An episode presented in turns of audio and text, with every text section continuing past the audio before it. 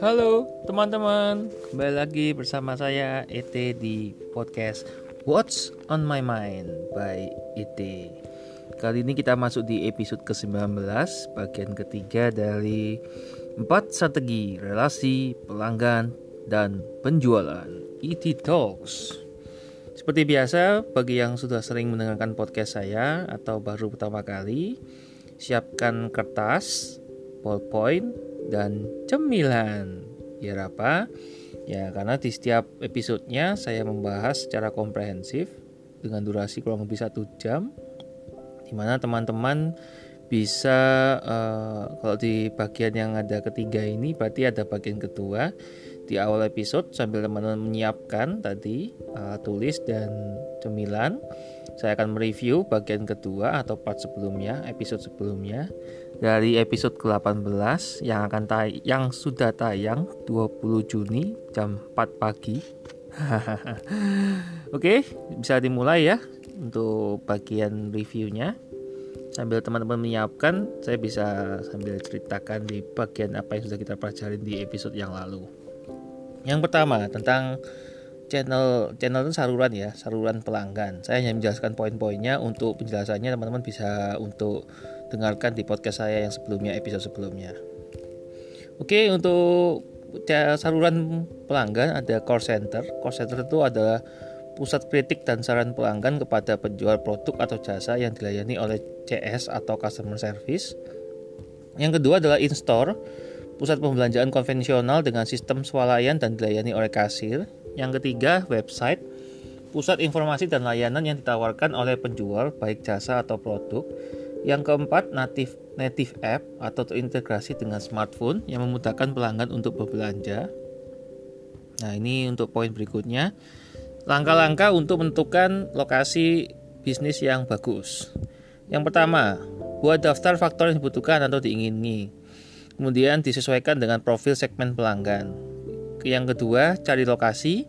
Cari semua lokasi yang memungkinkan, opsi-opsinya. Yang ketiga, kunjungi lokasi. Pilih dua atau tiga lokasi yang terlihat sesuai segmen. Yang keempat, bandingkan faktor yang dibutuhkan atau diingini, periksa kelebihan dan kelemahan lokasi bisnis. Yang kelima, kunjungi ulang lokasi di berbagai jam, pagi, siang, sore, dan malam, biar teman-teman tahu trafiknya. Yang keenam, lakukan penghitungan lalu lintas, amati gerakan masyarakat di setiap lokasi bisnis.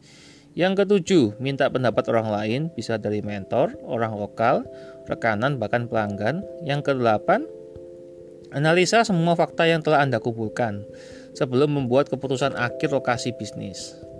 Nah, ini di poin berikutnya, get or catch customer, mendapatkan dan atau menangkap pelanggan. Yang pertama adalah kenali pelanggan Anda, apa yang menarik bagi mereka, segmennya kita ya. Yang kedua, berikan insentif, berikan alasan untuk mereka kembali ke Anda. Yang ketiga, pelajari gambar dan kemampuan Anda. Ya, gunakan pesan yang tepat untuk orang yang tepat. Yang keempat, tetapkan target, rencanakan untuk meningkatkan jumlah pelanggan secara bertahap pada waktu tertentu. Yang kelima, publisitas dan iklan dalam anggaran, radio, TV, cetak, Cetak ini ada surat kabar, brosur, billboard secara online, media sosial atau dengan barter iklan. Yang keenam, diberitakan diberitakan media, cobalah untuk masuk ke berita lokal atau adlibs. Yang ketujuh, tentukan teknik penjualan, menemukan pendekatan yang tepat untuk mencapai dan membujuk target pelanggan Anda itu penting. Yang kedelapan, jaringan secara langsung dan online. Cari tahu tentang setiap komunitas bisnis atau asosiasi yang berhubungan dengan bisnis Anda, bergabung dengan situs jaringan bisnis online. Yang kesembilan, belajar saluran penjualan baru. Pertimbangkan saluran lain untuk mendapatkan pelanggan setelah Anda mendapatkan pelanggan. Kemudian bagaimana menjangkau pelanggan lebih jauh. Terus yang terakhir, haruskah mempertimbangkan jasa pengiriman. Nah ini di poin yang terakhir di part yang kedua yakni tentang bagaimana mempertahankan customer tunjukkan apresiasi yang pertama katakan terima kasih yang kedua pelanggan ingin dihargai baru saja keluar uang yang ketiga hari apresiasi pelanggan diskon kecil atau hadiah nah ini dapatkan umpan balik juga pelanggan yang pertama tanyakan kepada pelanggan apa yang mereka pikirkan tentang produk jasa atau pengalaman mereka dengan bisnis anda kemudian menunjukkan bahwa Anda peduli dengan mereka. Itu merupakan review dari bagian kedua dari empat strategi relasi pelanggan dan penjualan ET Talks. Nah, saya yakin teman-teman sudah menyiapkan tadi kertas, ballpoint, dan cemilan untuk masuk ke part ketiga episode ke-19. So, Oke, okay, tanpa menunggu lama-lama kita mulai. Episode ke-19, bagian ketiga dari empat strategi relasi pelanggan dan penjualan. ET Talks. Halo teman-teman. Ya, senang sekali saya ET bisa bertemu lagi di kesempatan kali ini. Episode ke-19 ini akan saya rilis di tanggal 21 Juni jam 5 pagi. Di mana teman-teman uh, sambil jalan pagi, jogging pagi mungkin bisa dengerin podcast saya. Atau mungkin aktivitas pagi ada yang mau antar anaknya ke sekolah, siapin untuk mau siap-siap berangkat kantor atau mau uh, arisan atau apa pun itulah. Yang suami istri ada yang bekerja atau suaminya saja atau istrinya saja. Atau antar anak atau yang lain-lain ya masa pagi lah. Intinya podcast saya bisa didengarkan kapan pun oleh siapa pun di mana pun alasan apa pun ya. Yang penting teman-teman uh, harapan saya bisa menemani teman-teman sambil aktivitas yang lain. Oke? Okay? saya mulai. Ya ini menyambung part yang kedua kemarin. Jadi kita berkomunikasi secara konsisten. Caranya bagaimana? Kita tetap terhubung dengan pelanggan kita.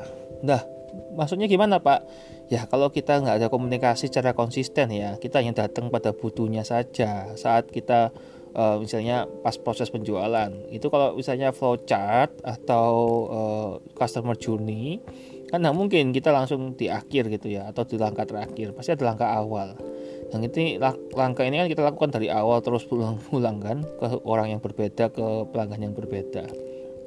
Jadi kita pastikan ada tracknya ada udah bisa memonitor eh, langkah-langkah uh, yang sudah dilakukan sama pelanggan kita. Tadi sudah lakukan langkah pertama kah atau sudah langkah kedua, udah langkah ketiga, daftar semua ya. Kalau saya sih ada listnya. Siapa saja yang komunikasi dengan saya, yang like satu saya, siapa yang komen satu saya, siapa yang satu saya, uh, yang share satu saya. Itu semua saya catat secara manual di kertas, di buku. Terus kemudian saya juga lakukan engagement balik ke mereka. Saya juga uh, apresiasi mereka di postingan saya. Ini khususnya di LinkedIn ya. Karena saya dapatkan dampak yang cukup signifikan di LinkedIn. Kalau di medsos lain saya sudah lakukan hal yang sama tapi dampaknya masih kurang karena setiap medsos punya cara main yang berbeda ya saya tidak bisa terapkan apa yang saya terapkan di LinkedIn dan di Instagram dan di Facebook sama tidak bisa ya cuman uh, uh, saya selalu eksperimen ya teman-teman. Setiap bulan saya selalu bikin konsep baru untuk bisa konsep komunikasi yang baru. Ya kalau DM DM juga saya settingan berbeda saya customisasi setiap orangnya. Sejumlah uh, follower yang saya yang ada itu saya selalu uh, kontrol selalu monitor selalu saya update ke teman-teman saya yang butuh bantuan saya yang bisa uh, saya uh, share link tentang bisnis saya secara pribadi. Teman-teman juga bisa tuntut ebook saya di link pribadi saya. Podcast saya ini juga bisa di link pribadi saya. Link kantor juga ada. Nah, itu untuk uh, keperluan bisnis. Jadi istilahnya teman-teman bisa menghubungi saya di sana juga. Akan tersambung dengan tim saya dan partner bisnis saya Nah, kemudian tetap terhubung dengan pelanggan Anda ini penting ya, teman-teman. Kita kan uh, kalau di WA 100 tuh bisa monitor nih aktivitas mereka seharian seperti apa, IG story-nya. Nah, itu kan kita juga bisa catat beberapa poin-poin penting. Misalkan mereka lagi share kebahagiaan momen tertentu, misalkan ulang tahun, bisa diucapkan. Kalau di LinkedIn kan ada cukup banyak notifikasi yang muncul dan cukup nyaman ya untuk user interface-nya. Jadi saya uh, kalau LinkedIn sangat sangat suka sekali. Dulu juga masih bingung makainya gimana. Akhirnya saya sudah menguasai. Ada beberapa fitur yang masih belum saya pakai seperti grup dan uh, polling dan live. Kemudian ada apalagi itu fitur-fitur artikel itu masih belum saya belum saya pakai gitu ya. Saya masih eksperimen dengan gambar dan tulisan yang saya posting tiga kali seharinya. itu pun saya sudah lakukan feature post dan lain-lain. Saya sudah bereksperimen lah teman-teman. Karena kan ya, teman-teman yang mendengarkan ini juga bisa koneksi saya. Di akhir episode saya sebutkan medsos saya. Jadi teman-teman bisa uh, follow juga bisa connect dengan saya langsung ke medsos saya. Yang diolah sama saya sendiri juga admin saya. Kemudian pastikan Anda tetap terhubung ya teman-teman. Karena kan kalau misalkan nomor telepon saja bisa jadi nomor telepon hilang. Kayak yang terjadi di akhir-akhir ini saya sudah backup nih di cloud, udah di email saya. Nggak tahu kok tiba-tiba hilang. Mungkin karena jumlah nomor telepon yang saya punya lebih kapasitas ya. saya nggak tahu kapasitasnya berapa ya. Saya sering terjadi nih dulu buat zamannya BlackBerry itu pin saya hilang. Pinnya hilang nanti karena BlackBerry itu dulu sering lemot ya. Jadi kan jadi tiba-tiba hilang semua terus di backup udah di restore di restore nggak balik-balik ya. Stres saya kayak dulu pakai BlackBerry. Saya dulu juga sempat uh, antipati ini wah Android apa bedanya nih sama BlackBerry? BlackBerry aja sudah saya sebenarnya sudah nyaman dengan BlackBerry sangat sangat suka gitu. Cuman kok kayak gini gitu loh. BlackBerry kok sering error kan nggak nyaman ya. Kita lagi telepon terus tiba-tiba HP-nya mati terus baterainya juga ngedrop. Nah, terus eh, banyak lah teman-teman yang pernah pakai BlackBerry pasti bisa ngalami sendiri ya. Saya nggak ngatakin BlackBerry ya. Ini kan pengalaman pribadi saya ya. Ya teman-teman oh nyebut BlackBerry kan susah ya untuk pakai in, uh, yang lain ya, apa uh, analoginya. Atau mungkin handphone yang menggunakan pin gitu ya. Tapi kan luas ya kalau itu ya. Kan BlackBerry kan bukan hanya pin. Akhirnya kan juga ada itu BlackBerry Messenger yang bisa dipakai di Android terus akhirnya juga sudah menghilang nggak tahu sekarang kabarnya bagaimana intinya saya pelanggan yang sangat puas sih sebenarnya uh, secara overall terhadap BlackBerry jadi saya sebutkan di sini dan itu saya banyak sejarah dengan BlackBerry dibandingkan merek-merek yang lain. Saya nggak sebutnya merek yang lain ya ada pahitnya, ada enaknya, ada ininya. Banyaklah, terima kasih banyak lah atas bantuan-bantuannya. Intinya uh, saya pengguna setia lah. Jadi kalau uh, satu merek ini awet, saya ada satu tablet ini awet, ya saya pakai merek ini. Nanti ke depannya kalau ada apa-apa, puji Tuhan ada dana lebih, saya mungkin akan merek serupa ya. Karena uh, merek yang lain dengan ukuran tablet yang berbeda ternyata tidak awet akhirnya saya sedikit trauma terhadap uh, yang tablet dan yang mobile untuk merek itu Adi cukup populer mereknya nah kemudian uh, itu sih sedikit sharing ya jadi komunikasi itu kita bukan hanya nomor telepon kalau bisa medsos ya karena kan kita juga bisa uh, lihat aktivitasnya mereka. Kalau hanya nomor telepon kan kita nggak tahu ya mereka ngapain gitu loh. Kita hanya punya nomor teleponnya dan SMS SMS dan WA statusnya. Kalau kita kedua-duanya menyimpan nomor jadi saya menyimpan nomor dari Anda misalkan. Pastikan Anda kalau menghubungi saya Anda perkenalan diri ya. Uh, Anda namanya siapa dari kota apa terus dari bisnisnya apa jadi saya bisa simpan di kontak saya. Uh, terus jadi anda juga bisa lihat satu saya saya bisa lihat satu anda. Jadi kan kita bisa komunikasi ngapain aja kan sehari-hari aktivitasnya ngap gimana kan gitu bisnisnya seperti apa. Ya intinya sih kita uh, kalau bisa be genuine ya teman-teman. Uh, bukan karena kita ada maunya aja kita koneksi sama mereka ya tapi kita ingin benar-benar tahu apa sih aktivitas mereka seharian apa yang bisa kita bantu untuk mereka itu sih kalau saya Jadi banyak yang berpikir negatif atau positif itu kembali lagi persepsi orang-orang ya. Saya tidak bisa atur. Ya saya hanya bisa atur apa yang saya bisa kendalikan. Jadi saya fokus ke diri sendiri aja. Oke, bisa dipahami ya untuk poin ini. Mungkin cukup panjang tadi penjelasan saya.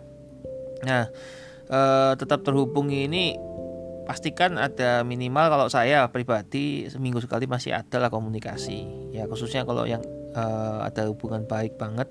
Jadi kita harus satu komunikasi intens Nah, kalau sudah mulai uh, kita jaga hubungan juga mungkin dari setiap bulan sekali atau momen tertentu, Natal, Pasca, atau puasa atau lebaran atau tahun baru China ya, tahun baru uh, tahun baru Masehi atau perayaan-perayaan agama yang lain itu bisa kita catat. Tentunya paling penting uang tahun tadi itu disebut terus ada kenaikan jabatan atau prom, uh, promosi ya gitu ya. Atau pekerjaan baru atau ada bisnis baru. Ya itu teman-teman kan pasti bisa terlibat lah interaksi di sana. Karena kalau kita mau interaksi uh, kita ada mau orang lain interaksi ke postingan kita ya kita harus pastikan kita ada interaksi di postingan mereka kadang kita nggak pernah tahu kan yang melihat eh, interaksi kita tuh siapa kan gitu loh. Mungkin kita emang tujuannya interaksi dengan si A.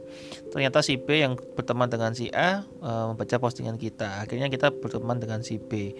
Dari si B kita bisa mengenal si C sampai si Z dan yang lain-lain. Itu sih keuntungan dari sosial media. Yang mungkin teman-teman tidak sadari gitu loh itu kita bisa gali. Itu adalah emas emas yang sangat berharga. Koneksi itu sangat mahal harganya. Kesannya sederhana kesannya simple hanya dengan menambah relasi atau friend connection ya kalau di LinkedIn kalau di Facebook itu friend kalau di Instagram follower Twitter follower. Uh, di Telegram subscriber sama di YouTube subscriber. Di LinkedIn uh, di Line friend gitu kan kalau di WA juga friend kontak uh, kalau di WA itu kontak. Setiap aplikasi setiap medsos beda-beda ya penyebutannya di Anchor ini ini saya menggunakan aplikasi saya sebut aja lah Anchor. Itu teman-teman bisa follow saya bisa subscribe saya bahkan bisa mengirimkan uh, audio jadi bisa interaksi ke saya. Di mana audio itu mungkin teman-teman bisa kalau bingung mau ngirim pesan apa teman bisa ucapkan testimoni atau rekomendasi atau referensi dari materi-materi saya ini apa yang teman-teman rasakan manfaatnya atau ada teman-teman pelajari dari saya atau mungkin ada saran dan kritik monggo. Jadi kan kita bisa interaksi gitu loh teman-teman. Kan enak kan cuma satu arah. Karena kan teman-teman pasti juga bosen ya. Kalau dikuruin di, diajarin udah bertahun-tahun kan belajar terus di sekolahan kan. Ada lagi orang lain yang ngajarin berjam-jam gitu loh. Setiap durasinya panjang ya kata saya sih pengisipnya nggak bisa malah saya durasi pendek-pendek. Saya uh, pesan saya singkat padat dan jelas sih benarnya bisa. Cuman kesannya dampaknya kurang. Saya lebih fokusnya ke dampak ya. Jadi walaupun saya melalui proses yang cukup lama untuk proses recording rekaman tapi menurut saya masih worth it ya. Karena kan ini kan abadi ya teman-teman.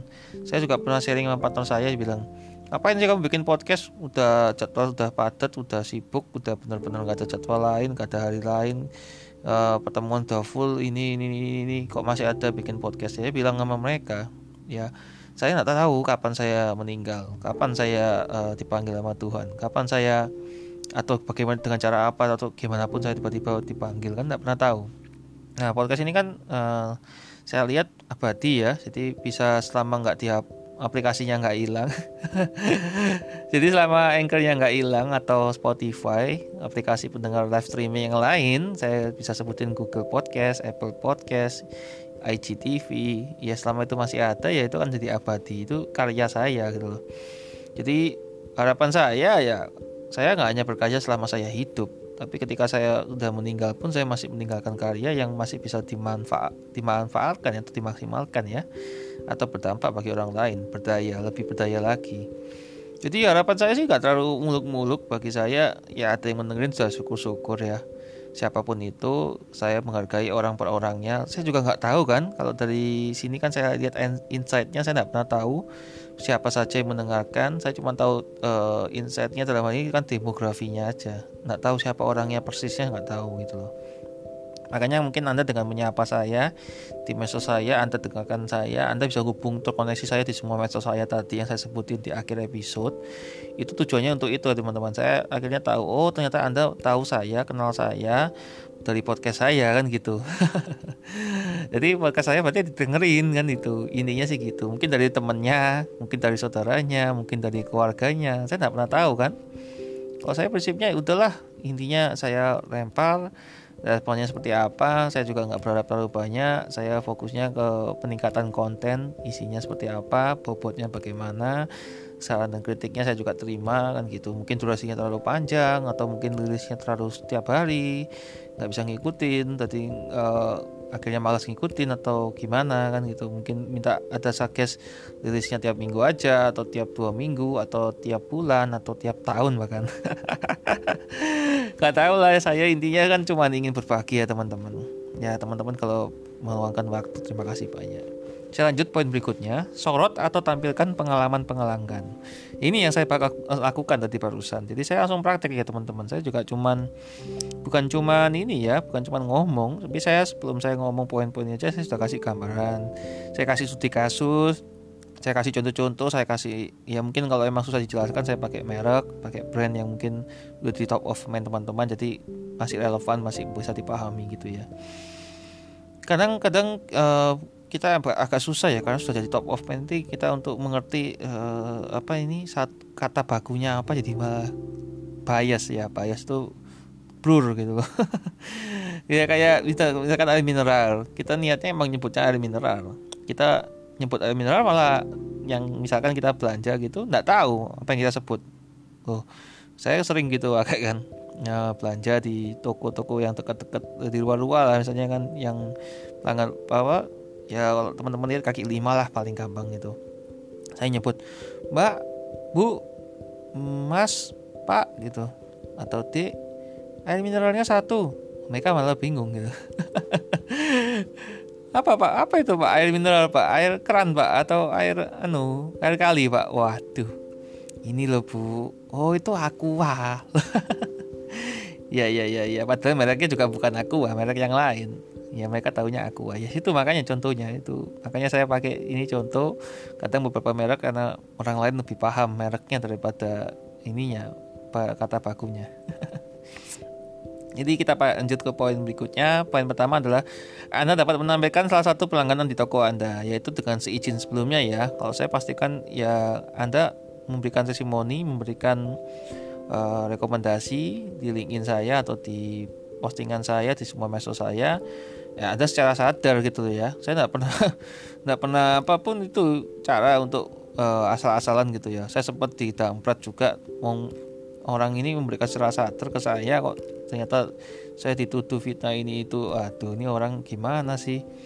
Hmm, dia sendiri yang ngucapin dia sendiri yang ngomong dia sendiri yang ini ini ini kok malah dibalik saya gini gini gini gini. Mau report saya mau blog saya tuh aduh. Adalah pokoknya aneh lah ya namanya juga setiap medsos pada orang-orang berbeda-beda ya pengalamannya beda-beda.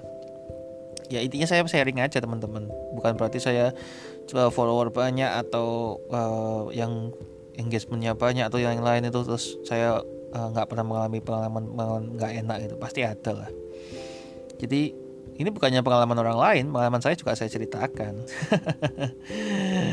Ya itu. Ya teman-teman saya sering sebutkan kan nanti yang ngasih testimoni ke saya yang pernah ikut sesi saya pernah dengar saya lihat podcast saya. Podcast ini masih baru ya teman-teman. Jadi mungkin mereka itu yang masih baru uh, yang lama-lama yang dengerin mungkin dengerin saya secara langsung ya. Jadi saya akan juga bisa di uh, istilahnya dipanggil untuk kelas online dipanggil untuk kelas offline. Ya bisa ngisi berapa orang berapapun lah pakai aplikasi apa pun lah. Yang kan zaman teknologi ya mau nggak mau kita harus belajar Lalu kemudian poin kedua adalah foto dan cerita di dinding lokasi bisnis Anda. Dinding lokasi itu bisa ditempelkan banyak kan misalkan di restoran-restoran yang atau restoran legendaris lah yang sudah jadi ikon di kota-kota itu. Mereka pasang foto dari artis-artis atau cerita dari uh, sejarahnya. Siapa yang menciptakan restoran ini, kedai ini, warung ini kan gitu bagus banget itu bisa jadi itu sejarah bukan ada muri misalkan ada rekor ya.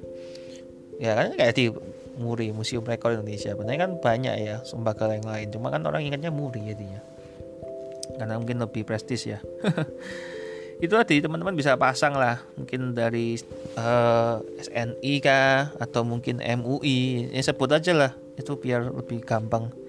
MUI itu kan Majelis Ulama Indonesia jadi sertifikat halal dan itu. Kemudian ya sertifikat ISO misalkan. Ini kita tahu bisnisnya ya teman-teman ya. Jadi sertifikasi ISO sertifikasi yang lain-lain yang menunjang bisnis anda. Jadi pastikan itu sesuai. Jangan asal-asalan ya. Jangan yang gak ada hubungannya gitu loh. Poster sepak bola atau poster yang poster wanita atau poster anak-anak atau apa yang gak ada hubungannya dengan bisnis anda. Jangan. Pastikan sesuai ya kemudian uh, mungkin uh, untuk keluarga juga boleh gitu. Jadi biar orang-orang juga tahu oh, ya anda ini menjunjung tinggi nilai kekeluargaan. Itu tergantung ya apalagi kan bisnis apa yang anda tawarkan. Misalkan anda seorang uh, terapis parenting gitu ya itu masih bisa lah. Karena kan mungkin ini loh ada contoh kalau keluarga anda keluarga harmonis. Jadi anda ngomong bukan asal ngomong tapi keluarga anda juga keluarga yang prestasi anaknya terus keluarganya juga harmonis jadi nggak nggak asal ngomong lah istilahnya. Jangan sampai apa yang dikatakan berbeda dengan apa yang dilakukan kan? Nah kemudian poin ketiga adalah email newsletter komentar Facebook dan tweet itu bisa dipakai. Kembali lagi si izin ya. Saya juga di awal saya selalu bilang saya izin untuk uh, ini saya ambil fotonya ambil videonya ambil apa. Saya ngomong ke mereka kan orang-orang juga. Ya mereka secara sadar kan memberikan itu. Saya sudah ngomong sendiri kan ini akan saya tampilkan di berbagai medsos yang lain gitu loh. Kalau anda bersedia ya monggo. Kalau anda ya sekalian tidak usah kasih cuma ngomong aja sama saya lisan kan. Kalau ngomong lisan kan tidak ada bukti tulisannya jadi ya no comment no no problem gitu loh. Bagi saya mungkin mereka tidak mau tidak uh, mau ditampilkan tapi mereka mau mengucapkan ya tidak apa-apa. Bagi saya sih tidak masalah. Gitu. Nah, kemudian uh, email ini kan macam-macam ya teman-teman. Biasanya kan menggunakan aplikasi yang bisa uh, email marketing ya. Jadi bisa auto, auto automatisasi. Newsletter juga kurang lebih hampir sama. Komentar di Facebook kan macam-macam. Bisa semua medsos ya ini teman-teman. Nggak hanya patokannya di Facebook dan Twitter ya. Karena saya di Twitter ini nggak terlalu populer nggak terlalu banyak followernya. Di Facebook malah Facebook saya sering hilang ini banyak banget hatersnya. Jadi ya sering hilang sering bikin baru. Ya akhir-akhir ini walaupun saya sudah bikin postingan positif ya akhirnya saya memutuskan untuk kalau udah anu ya apa namanya orangnya sukanya konflik ya mendingan saya unblock eh, saya block aja lah saya unfriend.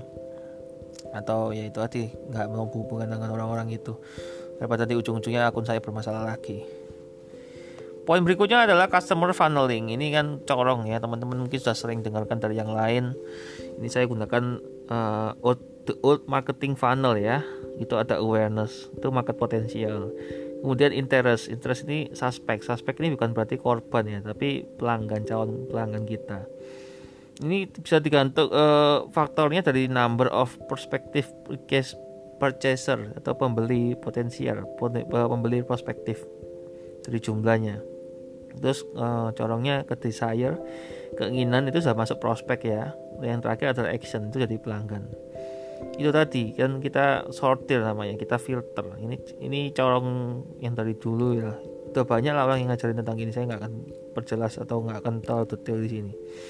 Yang pertama adalah memperhatikan uh, bagaimana pelanggan memperhatikan produk atau jasa saya. Apa yang membuat anda berbeda? Kalau saya selalu membuat sesuatu yang berbeda unik lah. Nggak ada di tempat lain lah makanya eh, bahkan ucapan-ucapan saya tulisan saya karya saya podcast saya selalu saya bikin yang berbeda. Memang mungkin ada yang sering uh, durasi satu jam dua jam tiga jam yang konsepnya wawancara apa. Menurut saya uh, wawancara sepanjang itu pun juga nggak gampang ya. Saya juga belum mengalami saya juga belum uh, ada podcast yang kolaborasi dengan orang lain saya selama ini masih monolog. Bagi saya monolog aja juga tidak gampang bagi uh, teman-teman. Karena uh, untuk proses rekaman satu jam itu butuh waktu. Sedangkan waktu adalah resources saya yang paling berharga. Saya sangat menghargai waktu. Ya, jadi saya tidak mau sembarangan. Sebelum saya recording saya sudah proses penulisan nah proses penulisan itu aja bisa berjam-jam bahkan bisa berhari-hari. Karena kan kita tergantung inspirasi ya teman-teman. Kok munculnya inspirasi itu saya malah di malam-malam. Malam-malam jam 10 ke atas sampai subuh-subuh jam segini jam 1 ini saya recordingnya. Jam-jam segini jam-jam produktif saya. Jadi saya kalau pagi siang mungkin istirahat. Saya benar-benar uh, ya misalnya ya gini lah karena kan saya pekerjaan saya ini kan tidak ada kepastian jam berapanya harus masuk kantor atau ketemu orangnya. Apalagi ini saya syuting di masa-masa corona masa-masa pandemi. Jadi kita di rumah aja kita work from home. Dan selama nggak ada jadwal untuk pertemuan di pagi ya saya nggak ada pertemuan apa uh, appointment ya saya lakukan ini syuting gitu loh. Saya sudah izin ke tim saya partner saya. Saya mau rekaman dulu jangan diganggu jangan chat saya jangan telepon saya. Nah saya sama proses rekaman ini saya tidak mau diganggu. Tapi kalau nanti sudah selesai saya pantau gimana apakah ada chat apakah ada progres dari bisnis saya. Karena saya uh, memberikan servis ini kan 24 jam ya. Selama handphone saya nyala saya akan respon saya akan balas chat bahkan telepon selama saya handphonenya nyala dan saya bangun ya. Itu juga merupakan uh, alasan orang bisa memperhatikan saya. Jadi kadang orang juga yang tanya, lupa jam 3 kok masih bangun Pak ngapain aja Pak? Ya ini salah satunya recording. Banyak orang kan bingung gitu loh. Ini Pak ET ini tidur jam berapa, bangun jam berapa? Wong jam 6 sudah aktivitas, jam 9 sudah meeting, jam 10, jam 12 sudah ketemu orang yang lain di tempat yang lain. Oh, kok masih bisa ada waktu ini? Ya, pintar-pintar ngatur waktu aja teman-teman. Ya, waktu sama waktu itu kan 24 jam. Jangan lupa istirahat juga. Jadi kadang saya manfaatkan waktu di jalan itu untuk istirahat. Jadi sambil di mobil nyetir kan ada yang nyetirin ya. Itu tidur. Atau di kendaraan online pakai mobil terus tidur. Ini kan saya sudah pengalaman di industri entertainment di event organizer. Itu yang pekerjaannya hampir kalau setting panggung setting yang lain-lain. Aduh itu meluang waktunya banyak banget ya persiapannya ya akhirnya sudah terbiasa untuk pekerjaan-pekerjaan selanjutnya Oke, okay, itu di poin tentang apa yang buat orang lain perhatikan produk ya. Saya selalu memberikan yang berbeda, pelayanannya aja berbeda, jasanya juga berbeda. Dari yang kebanyakan saya sedang melakukan jasa ini jasa uh, untuk bantu orang lain go public dalam waktu lima tahun. Kan sudah jelas beda itu dari yang orang lain lakukan. Atau permodalan dan pendanaan kan sudah banyak, makanya saya pakai jasanya go public. Sebenarnya masalah pemilihan kata juga. Dan goal akhirnya seperti apa? Itu hati uh, akhirnya orang akan banyak yang tertarik banyak yang hubungi gitu nggak ada nggak ada kata hari tanpa ada yang hubungi. Orang-orang tim saya juga partner saya juga bingung. Ini Pak TT dapat dari dari mana aja ini? Oh nggak pasang iklan nggak pasang biaya-biaya berbayar hanya lewat medsos kok bisa Pak yang hubungi? Ya kembali lagi saya bangun itu kan cukup lama ya teman-teman. Bangun hubungan terus juga bangun medsos saya juga butuh waktu butuh proses. Nah asal asal posting nggak bisa teman-teman. Saya posting itu saya sudah pastikan saya sudah cek berkali-kali apa yang saya posting apakah menyinggung orang lain apakah akan menyinggung isu-isu yang berbahaya. Wah itu saya pastikan itu bahwa saya nggak akan ada itu bahkan untuk kata-kata ada yang salah itu saya juga cek berkali-kali. Mungkin kadang ada beberapa kali kelolosan ya mungkin karena sudah benar-benar capek udah nggak ada waktu untuk short anu uh, editing untuk cek lagi cek ulang ya tinggal post ya wis. Ya sebelumnya sih untuk menghindari itu saya sudah bikin di notes jadi tinggal copy and paste di saat yang pas momen momennya. Karena kan setiap medsos tuh ada uh, prime time-nya masing-masing ya yang saya sudah pernah bagikan di uh, feature post LinkedIn saya saya sudah sering berbagi kok di medsos saya jadi uh, saya usahakan juga nggak ada pengulangan ya karena kan kalau kita ngomong pengulangan ini kan emang penting tapi saya usahakan tidak ada mat, uh, materi atau ilmu yang saya bagikan tuh kedua kalinya. Saya pastikan itu yang pertama dan terakhir kalinya. Bahkan mungkin juga uh, tempat lain nggak ada, karena kan pengalaman kan nggak bisa setiap orang kan beda pengalamannya. Oke. Kemudian nanti itu kan apa yang bisa anda perhatikan dari dari saya, dari produk saya, dari layanan saya, dari jasa saya, yaitu tadi servisnya, terus dari penampilannya, foto-fotonya, saya pakai jas jas itu yang berbeda jas jas semacam rompi. Nah itu kalau di Indonesia jarang. Sekarang sudah mulai banyak yang ngiru sudah mulai banyak yang pakai gitu kan dari mentor saya yang memang memelopori saya lihat pertama kali yang pakai itu beliau akhirnya banyak yang pakai kayak beliau. Termasuk saya juga pakai gitu kan. Ini namanya modeling teman-teman. Bagi yang pernah belajar modeling pasti tahu maksud saya. Jadi kita tentukan role model kita seperti apa kita lakukan. Ini namanya memperhatikan. Nah, kemudian tertarik nih. Bagaimana cara membuat pelanggan tertarik pada produk atau jasa saya? Kalau saya sih dari copywriting ya. Copywriting itu tulisan yang saya buat di setiap postingan saya itu namanya copywriting. Kemudian dari gambar, itu yang mungkin bisa teman-teman lihat.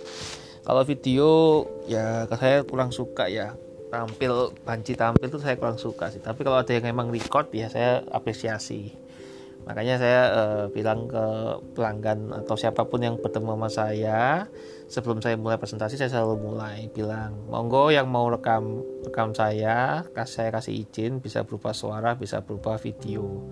Nah, kadang saya juga ambil live video saya juga minta izin sama mereka saya mau live ya karena saya live ini kan penting ya biar saya juga bisa evaluasi diri kira-kira apa yang saya ucapkan ini sudah betul apa ada yang kurang atau ada yang bisa diperbaiki cara duduk saya cara saya e, bernegosiasi cara saya menatap orang lain gitu kan. Bukan tatap mata saya bukan ya saya bukan hipnotis atau hipnotis ya saya bukan hipnotis. Ya ininya saya belajar lah e, seni komunikasi yang baik dan benar. Dan saya praktekkan ini yang buat orang lain tertarik pada saya. Karena saya bukan hanya sekedar uh, jualan ya tapi saya juga berbagi ilmu saya berbagi pengalaman saya juga uh, memberikan sesuatu yang berbeda lah. Kemudian bagaimana cara agar saya menonjol dari bisnis lain yang mirip dengan saya? Yaitu arti personal branding ya. Jadi dari headline misalkan di LinkedIn tuh ada kalau di Facebook tuh bio sama kayak di IG juga bio. Twitter juga sama ada headlinenya. Instagram juga ada headline terus lain lain juga ada itu status panjang bisa sekitar 500 atau berapa karakter itu. Kemudian di LinkedIn ada about atau di WA juga ada. WA market uh, WA bisnis malah ada untuk greeting ada untuk uh, ini ya kalau yang pertama kali menyapa terus untuk yang uh, balasan cepat itu kan respon cepat. Kalau kita lagi AFK away from keyboard atau kita lagi nggak bisa dihubungi gitu kan otomatis ada balasan nah, kemudian apalagi ya di YouTube juga ada penjelasan channel saya. Lengkap sih kalau saya. Saya kuncinya di situ jadi menonjol di sana. Jadi semua bahkan di profile picture pun juga lengkap testimoni tentang saya atau bisnis bisnis saya seperti apa. Uh, artikel tentang saya lengkap lah. Jadi saya selalu persiapkan semua. Ya itu yang buat saya berbeda ya. Di setiap bahkan di setiap medsos saya ada. Itu juga salah satu penonjol menonjol ya. Jadi uh, mungkin nggak bisa aktif benar-benar full engagement tapi minimal ada posting. Mungkin bisa sekali lah minimal sehari. Itu pun kalau uh, benar-benar padat saya nggak bisa pegang medsos. Ya kalau saya nggak bisa pegang medsos tuh biasanya saya live live jadi video. Nah karena nggak sempat posting kan jadi kalau posting kan butuh konsentrasi penuh nggak bisa sambil jalan. Saya tipenya bukan tipe multitasking. Multitasking mungkin bisa tipe yang uh, ini ya saya melakukan aktivitas mendengarkan dan membaca bersamaan tapi kalau membaca dan membaca nggak bisa saya membaca dua hal yang berbeda juga nggak bisa mendengarkan dua hal yang berbeda juga nggak bisa jadi jadi kayak gitu Kemudian masuk poin berikutnya ini nanti yang mungkin teman-teman sudah sering dengarkan awareness, inter, interest, decision baru action. corong ya, masih tetap dicorong atau funneling. Mempertimbangkan. Poin pertama adalah bagaimana cara membuatnya mudah, terjangkau dan simple bagi mereka untuk dibeli.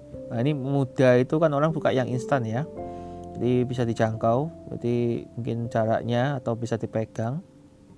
Terus kapan pengirimannya jadi kan orang butuhnya cepat dari pinginnya juga cepat kadang nah, kemudian simple jadi simple itu nggak ribet transaksinya jadi tinggal transfer sudah selesai bisa diproses langsung pengiriman nah kemudian poin berikutnya adalah bagaimana cara membuat pelanggan membeli. Ya ini kan pastikan ada promo-promo yang menarik.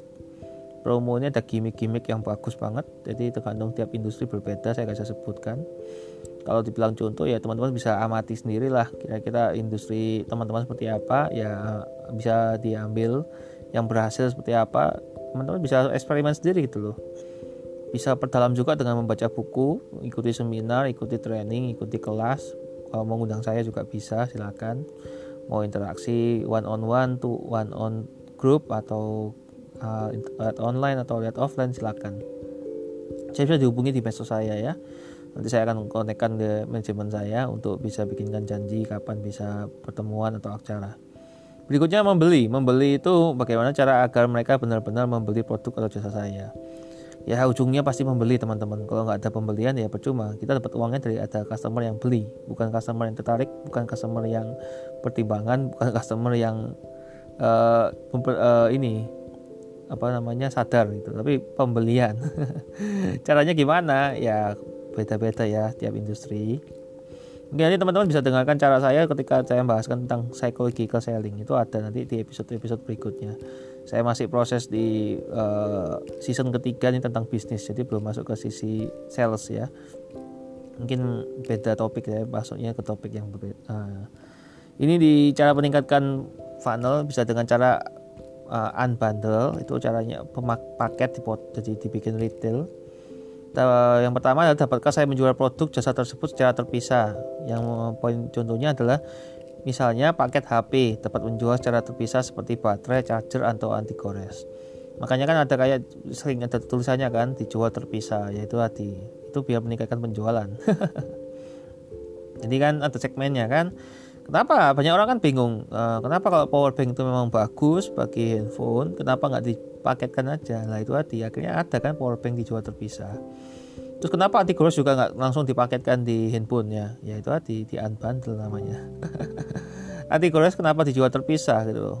Uh, Gorilla Glass yang mungkin yang teman-teman lagi populer sekarang yang saya sedang pakai juga Gorilla Glass katanya sih diinjek itu ndak jebol ya, ini saya jatuh aja sedikit nggak jatuh mungkin tabrak aja udah sedikit lecet nggak tahu lah ya ya ini udah pakai teknologi apa ini juga bingung lah charger juga gitu. Aduh saya paling seneng, uh, paling gak seneng bermasalah dengan charger ini. Udah ori tapi tetap aja gampang rusak. Aduh nggak awet. Mungkin karena mobilitas saya tinggi ya.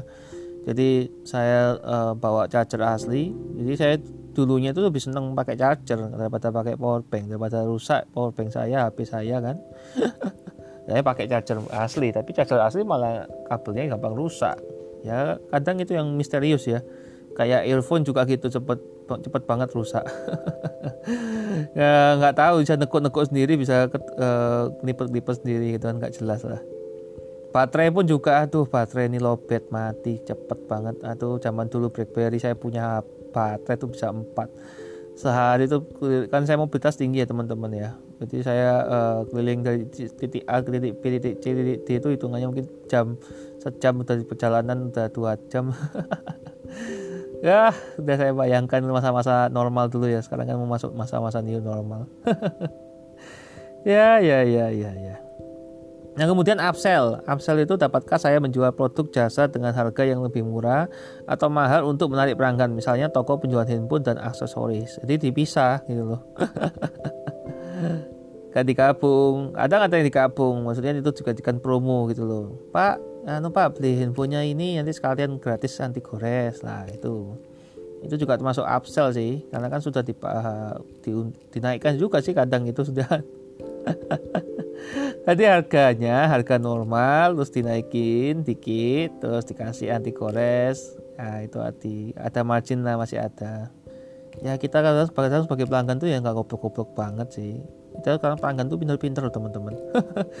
saya aja lihat pelanggan-pelanggan saya itu pinter-pinter semua, kritis-kritis semua. Saya benernya bangga gitu. Saya malah suka adanya perlawanan, adanya tantangan itu loh saya malah kaget kalau ada orang yang langsung saya tawarin langsung belanja itu aduh luar biasa lah mungkin entah mereka benar-benar padat jadwalnya sehingga nggak tahu uh, waktu untuk riset atau uh, membanding-bandingkan harga atau yang lain jasa yang saya tawarkan atau benar-benar percaya sama saya saya juga nggak tahu itu yang kaget saya malah. Dan banyak banget yang kayak gitu.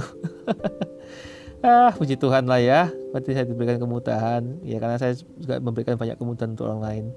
Saya nolong orang nggak hitung hitungan lah. Jadi orang lain juga nolong saya mungkin nggak hitung hitungan itu mungkin pemberian dari Tuhan. Terima kasih Tuhan.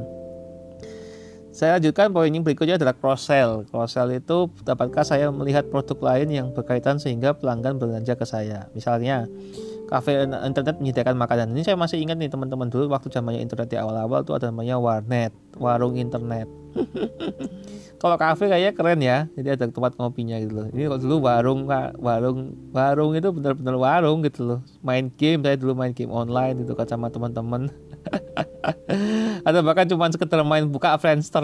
Dulu masih zamannya Friendster belum ada Facebook. Nggak tahu sekarang gimana Friendster masih ada atau MySpace dulu. Saya bukan generasi kolot bukan generasi kuno ya. Tapi saya dulu juga nggak ngerti mainnya gimana itu. Nggak ngerti lah istilahnya. Booking booking seperti itu nggak paham apa sih itu loh. Bahkan awal-awal Facebook ya juga malah tujuannya untuk kenalan-kenalan nama teman-teman baru justru justru bukan dengan berkenal uh, berteman dengan teman-teman yang saya kenal gitu loh. Malah berteman dengan orang-orang baru. Ya nggak tahu lah emang hobi saya di situ mungkin ya. Karena buat apa ya kita uh, benar sih nggak masalah. Cuman saya lebih suka dengan orang-orang baru lah berkenal dengan orang baru di hidup saya. Karena mungkin Tuhan punya rencana bagi bagi saya di di mereka gitu loh. Entah mereka sebagai bagian dari kehidupan saya berikutnya atau saya sebagai hidup uh, uh, bantuan buat mereka yang saya nggak pernah tahu ya. Rencana Tuhan pasti yang lebih baik lebih baik. Rencana Tuhan pasti yang lebih indah dari saya. Manusia berencana tapi Tuhan yang menentukan gitu loh. Daripada saya banyak rencana saya memang banyak perencanaan tapi saya lebih pasrahkan sama Tuhan. Saya berserah sama Tuhan. Ya, Tuhan jikalau memang ini rencanamu ya terjadilah padaku menurut perkataanmu. Kalau itu saya itu sih saya. Jadi kalau zamannya dulu warnet itu ya mungkin ada yang sampai nginep ya ada teman saya tuh sampai bolos sekolah sampai bolos kuliah itu main game di warnet. Nginep gitu jadinya mereka makan di sana juga tidur juga di sana bayangkan itu. Kayak hotel jadinya. Tidur di sofa loh padahal teman-teman tapi mungkin sofanya nyaman ya. Jadi gak apa-apa gitu loh matanya rusak atau uh, fisiknya nggak olahraga kan. Olahraga jari. Nggak tahu lah kalau ngomongin game itu kadang orang sudah lupa waktu lah. Yang penting kalau teman-teman yang main game jangan lupa jangan sampai lupa waktu. Kalau memang pekerjaannya dari game ya nggak apa-apa. Tapi kalau bukan bekerja dari game ya itu hati game hanya untuk entertain ya. Jadi untuk hiburan saja. Jangan untuk uh, uh, waktu yang anda sangat berharga terus anda habiskan banyak di game. Saya nggak pernah melarang main game ya teman-teman. Saya juga seorang gamer. Dulunya sekarang saya banyak sebagai YouTube baca uh, lihat game dari dari ikut YouTube gitu nah itu tadi contoh ya cross selling jadi sebenarnya kan ada hubungannya kan internet dengan makanan tapi digabungkan gitu loh karena makanan ini memang paling paling mudah untuk digabungkan ke bisnis yang lain.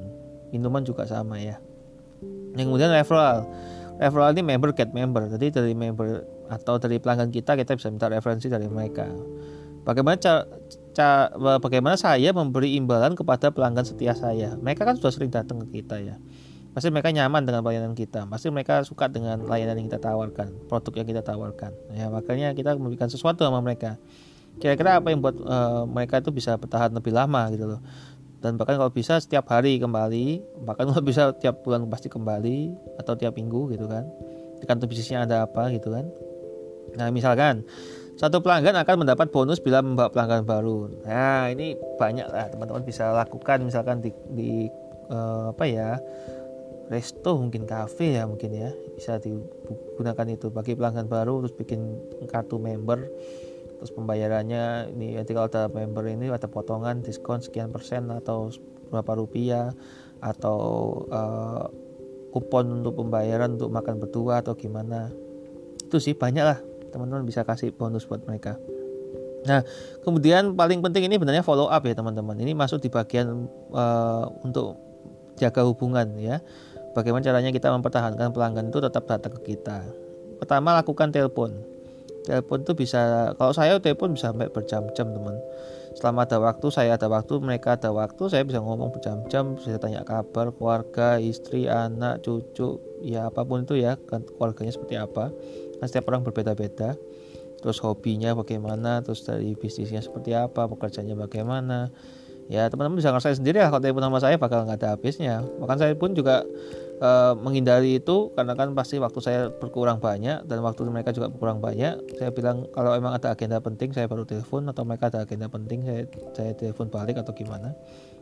Dan kemudian email juga email itu kan memang kalau saya email jarang baca ya teman-teman. Saya sudah bilang berkali-kali sama orang-orang uh, email memang penting ya karena kan kita bisa terrecord di cloud enak gitu kan bisa dibuka lagi kapan pun tidak bakal hilang juga filenya masih ada kecuali dihapus uh, foldernya. Nah kemudian atau saat bertemu dan tanya gitu loh. Tanya aja pas ketemu di jalan pas lagi ke toilet misalkan atau lagi di mall lagi di taman atau di mana. Ini, ini saya ceritakan kondisi normal ya bukan kondisi new normal ya karena kan berbeda situasinya.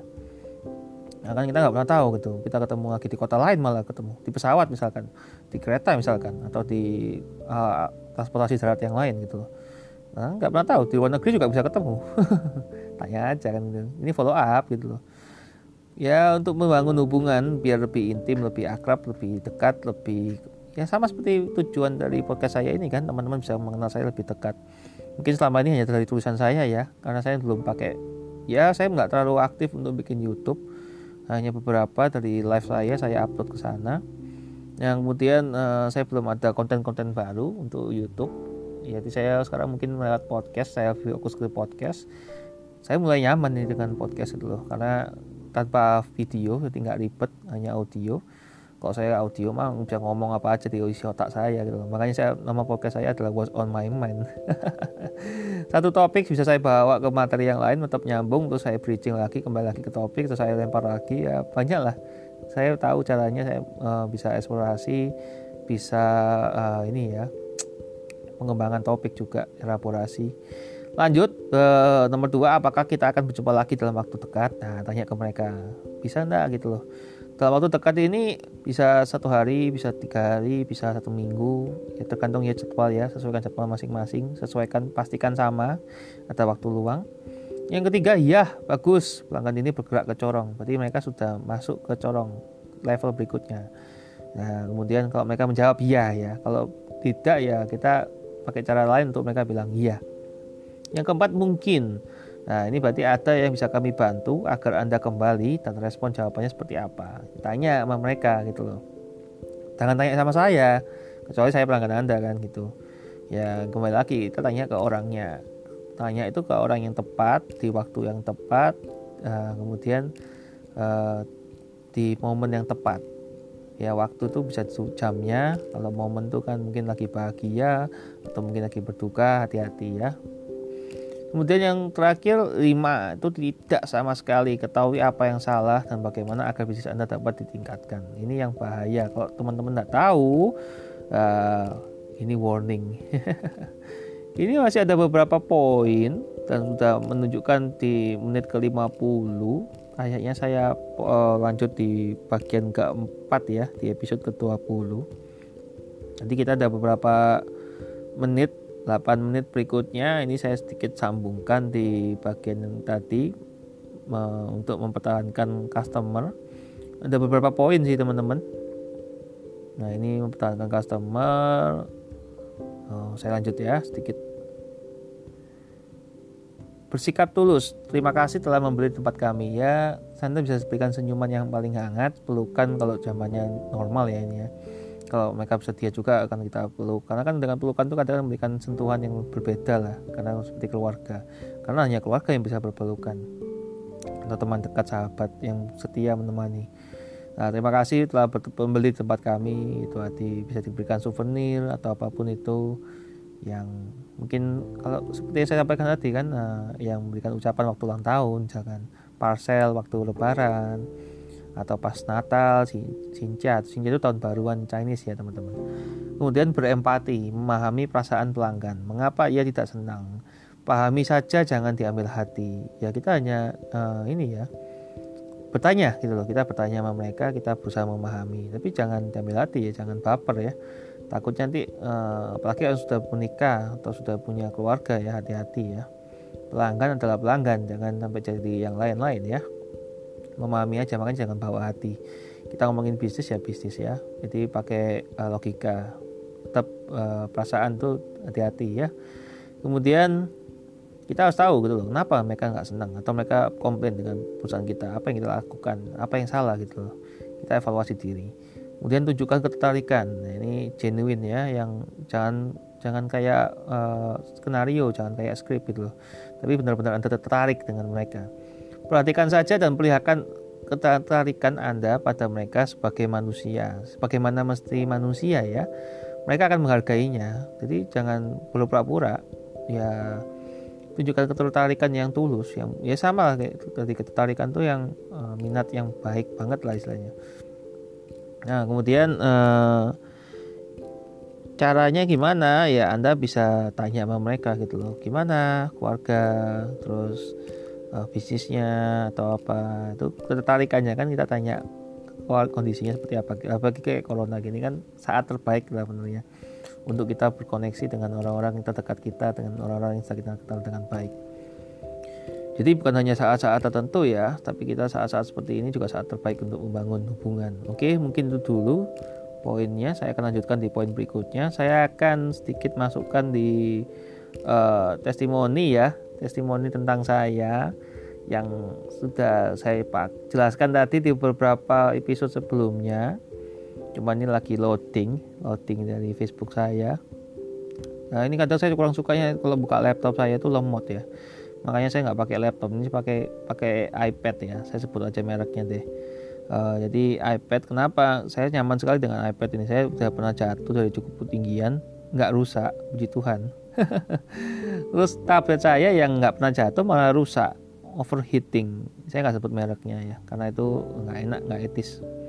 Nah ini uh, iPad pun ini iPad cukup lama awet ya 10 tahun gitu loh 10 tahun lebih ini waktu saya lulus dapat penghargaan prestasi dapat hadiah ini saya dari orang tua saya sampai sekarang saya jaga baik-baik padahal handphone saya gampang rusak teman-teman Nah ini saya uh, sebutin aja ya. Maaf kalau tadi terlalu lama. Ini dari Muhammad Haris. Bagi sahabat yang memiliki impian kebaikan untuk lingkungan Anda, kenali dan selalu dekatlah dengan orang-orang baik, membangun dan memberikan dampak. Theo adalah salah satunya. Semoga selalu konsisten, bersatu. Wah. Terima kasih Bro Haris. Ya ini impian ya kemarin impian ya teman-teman, impian kebaikan dan lingkungan ya. Teman-teman kalau punya impian untuk lingkungan terbaik bagi anda anda harus berkenalan ini ya. Kalau seperti saya ya, seperti kan sampaikan nama Haris ya saya juga bisa lah. Uh, intinya membaur ya dengan lingkungan. Saya juga punya inner circle ya. Inner circle itu ring satu saya inner ring 2 juga ada ring 3 ring 4 ya mungkin teman-teman bisa masuk ke ring saya. Ya kita bermain bersama-sama ya. Membangun pastinya saya selalu memberikan kritik yang konstruktif selalu tujuannya baik gitu ya. Bukan untuk mencela atau mengata-ngatain orang lain. Dan dampak itu yang penting ya teman-teman. Makanya saya bikin podcast ini nggak bisa durasinya singkat. Saya bikin yang uh, durasinya panjang tapi ada dampaknya. Daripada saya singkat bisa banget poin-poin saja saya bacakan tapi nggak ada dampaknya takutnya karena teman-teman nggak paham gitu Nah, ini terima kasih ya bro. Konsisten itu salah satu kuncinya. Saya selalu katakan sama tim atau partner saya atau siapa pun yang bicara saya, ada tiga kunci sukses saya. Yang pertama adalah konsisten. Kenapa?